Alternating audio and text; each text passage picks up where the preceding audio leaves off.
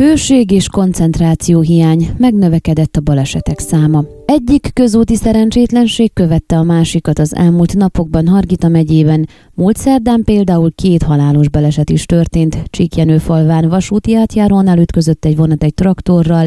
A balesetben a traktorba szorult 55 éves sofőr életét vesztette, Csíkszent királyon pedig egy teherautó és egy motorkerékpár ütközött össze, a mindössze 18 esztendős motoros életét nem sikerült megmenteni. A tragédiák megnövekedett számának hátterében részben az utóbbi időszakban tapasztalt jelentős felmelegedés áll az általunk megkérdezett illetékesek szerint. Mária Plumbu, a Hargita megyei rendőrfőkapitányság sajtószóvivője megkeresésünkre úgy vélekedett, a balesetek okai esetről esetre változnak, de jelenleg az egyik fő tényező a hőség lehet, illetve az ebből fakadó fáradtság, figyelmetlenség.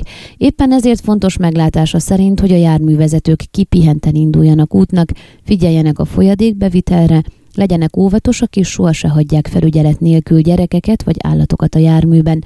Emellett legfontosabb ajánlásokként a szóvivő kiemelte az útviszonyokhoz igazított sebességet, a fokozott óvatosságot és figyelmességet, a túlzott sebesség és az alkoholos italok vagy egyéb tudatmódosító szerek használatának mellőzését, a követési távolság betartását, a közlekedés többi résztvevőjének tiszteletben tartását és a sofőr tapasztalatának megfelelő vezetési stílus alkalmazását.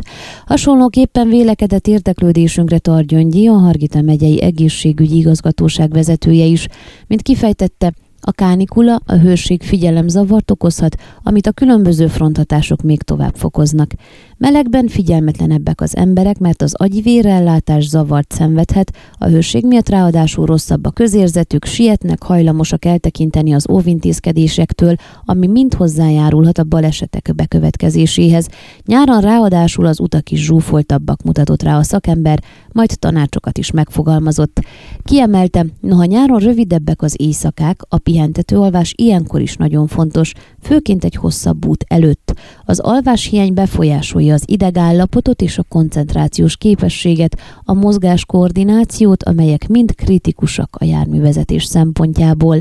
Targyöngyi is kiemelte továbbá a megfelelő mennyiségű folyadékfogyasztást, illetve a stressz elkerülésének fontosságát, ide tartozik például az is, hogy időben induljunk el, és ne a túlzott sebességgel próbáljuk lerövidíteni az utazási időt. Emellett figyeljünk oda a közlekedés egyéb résztvevőire, így próbálva megelőzni a szerencsétlenségeket, mert megtörténhet, hogy a velünk szembe közlekedők figyelmetlenek. Előre kell látni a helyzeteket, és nem csak magunkra vigyázni, hanem mindenki másra is. Sokkal könnyebb megelőzni a bajt, mint utólag kezelni a következményeit. Ez olcsóbb és fájdalommentesebb. Ehhez hozzátartozik az is, hogy mindenkinek legyenek rendben az orvosi vizsgálatai, és amikor a jogosítvány lejárásakor meg kell ismételni ezeket a vizsgálatokat, olyan helyen végeztessük el ezeket, ahol valóban komolyan veszik, ne egy pecsételő központban. Ilyenbe a saját és a szeretteink érdekében sohasem menjünk bele, hiszen a mi érdekünk, hogy rendben legyünk orvosi szempontból, húzta alá Targyöngyi. Arra is kitért, mit tehetünk, ha mégis bekövetkezik a baj, vagy szemtanúi vagyunk egy közúti balesetnek. Az első és legfontosabb, mielőtt bármi más tennénk, hogy tárcsázzuk a 112-es egységes segélyhívószámot, és a diszpécsernek minél pontosabban magyarázzuk el, mi történt, hol vagyunk, hány sérült van és milyen az állapotuk. Ezt követően próbálhatunk meg segíteni a bajba jutottakon, de vigyázni kell, hogy ne súlyosbítsuk a helyzetet. Általános szabály, hogy nem emeljük ki az áldozatokat a járműből, mert a mozgatásuk veszélyes lehet, ez alól kivétel, ha ég a jármű, akkor fontos a sérültek kimenekítése.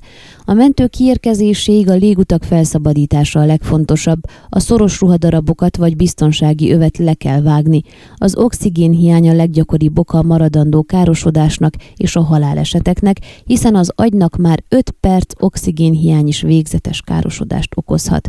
Ha túl is éli az illető, nagy eséllyel nem tud már gondolkodó emberként felépülni, ezért, ha a körülmények megengedik, és értünk is hozzá, ajánlott minél előbb elkezdeni az első segélynyújtást.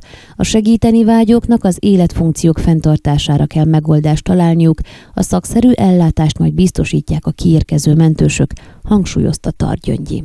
Ön a Székelyhon aktuális podcastjét hallgatta. Amennyiben nem akar lemaradni a régió életéről a jövőben sem, akkor iratkozzon fel a csatornára, vagy keresse podcast műsorainkat a székelyhon.pro portálon.